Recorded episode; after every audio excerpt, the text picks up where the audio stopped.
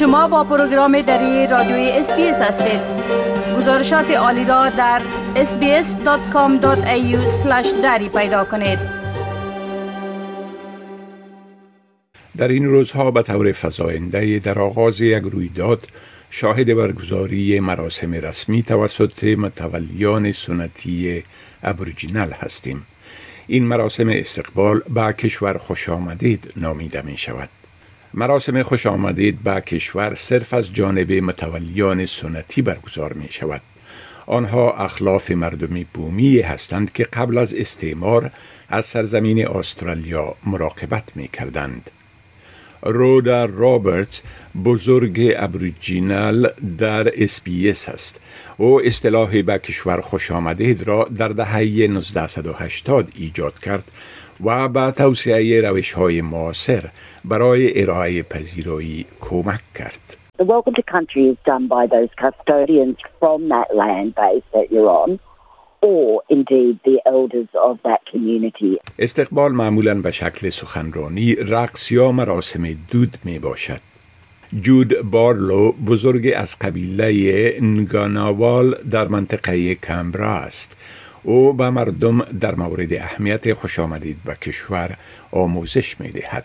Being welcome to country means that you are talking to your spiritual ancestors and you're saying, just let this person come through. We trust that they're not going to do any harm on this country, so do not harm them. So for me, the significance of being welcome to country is about ensuring your spiritual safety. When I walk onto another First Nations country, I look to be welcomed so that I feel that the spirits are okay with me being there because they're still with us. They're in the animals, they're in the trees. اصطلاح کشور نماینگر بعضی از مفکوره های پیچیده است. او می‌گوید که از آن برای تعریف زمین راه های آبی و آسمان استفاده می شود اما مفکوره زندگی خانواده و ارتباط را هم در بر دارد I guess it's the energy that I feel when I'm on country. When I'm not here, there's something missing from my life. It's also a connection with my ancestors because Aboriginal people have oral history and country contains those stories. So when I'm on country, I feel that connection. هر کس نمی تواند مراسم خوش آمدید به کشور را اجرا کند.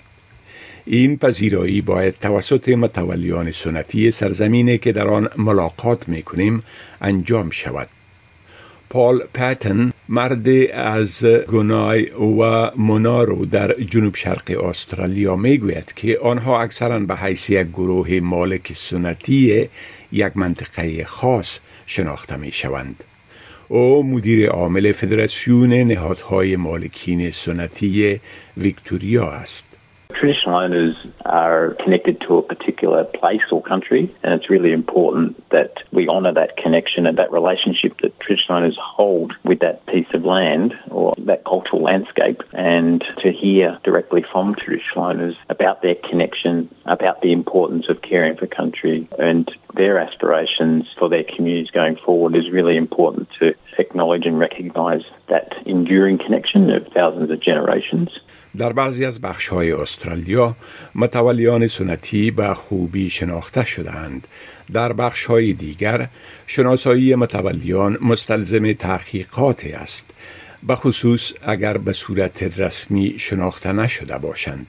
There are many ways to find out who the traditional owners are. There'll be ways to find out via websites, government organisations, local government councils that exist all across Australia will often have a connection with the traditional owners.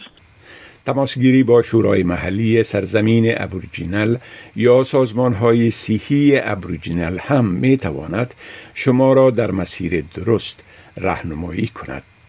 قدردانی از کشور یکی دیگر از سخنرانی های مهم پذیرایی است که در ابتدای جلسات و رویدادها ایراد می شود. اما چنانچه رودا رابرتس توضیح می دهد این با خوش آمدید به کشور متفاوت است. An acknowledgement of country can be done by all of us, black and white, wherever we come from. It's us showing that we have an awareness of the land and respect for it, and that we're visiting someone else's land and we're paying respect. So acknowledgement is recognizing that you might be working or living on a place that's not the place you come from, but that's okay. You still belong to it and you're going to acknowledge and thank the custodians and elders. هنگام تهیه متن قدردانی از کشور برای خود استفاده مجدد از یک متن موجود آسان است. ولی الفاظ زمانی که به صدای خود شما و از دل باشند وزن بیشتری می داشته باشند. هیچ عبارت معینی در این رابطه وجود ندارد. اما بسیاری از منابع آنلاین برای کمک به شما در تهیه متن قدردانی قابل دسترس هستند. جود بارلو می گوید بسیار مهم است که این کار با ازمونیت انجام شود.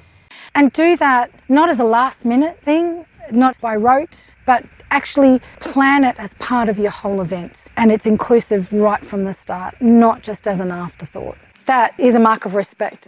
متوجه باشید که سرزمینی را که در آن ملاقات می کنید در متن شامل بسازید و از نام سنتی آن استفاده کنید. همیشه نام متولیان سنتی را در صورتی که رسما شناخته شده باشند ذکر کنید و به بزرگان گذشته حال و در حال ظهور احترام بگذارید. کری لی هاردینگ رهبر بومی SBS است او می‌گوید که مراسم قدردانی از کشور را به طریقه های مختلف به شمول نشرات رادیوی اسپیس و در محلات مختلف در جامعه انجام می دهد. I perform acknowledgement of countries in many ways in my life, and I do so on air at SBS Radio, at work for meetings, and also in other settings in the community as well. It holds a very special significance for me as an Aboriginal woman. It's so important that I acknowledge the Aboriginal land which I am working on.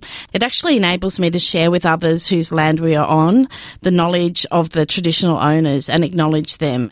اگر معلوم نیست که مالکان سنتی چی کسانی هستند روش معقول این است که به صورت عمومی از مالکان سنتی قدردانی کنید.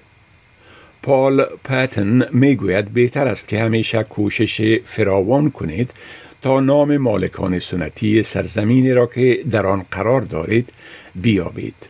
It's always best to use your best endeavours to find out the name of the traditional owners whose country you're on. If it's contested country, that's also something that needs to be acknowledged.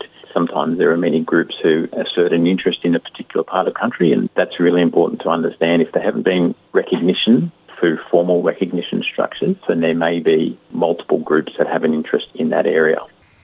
کری لی هاردینگ میگوید محترمانه ترین کاری که می توان انجام داد این است که سعی کنید تا مراسم قدردانی را انجام دهید. go ahead and be positive and do an acknowledgement of country as it's one positive thing I think we should all be doing to pay our respects to the local custodians of the land. بپسندید، شریک سازید و نظر دهید. اسپیس دری را در فیسبوک تعقیب کنید.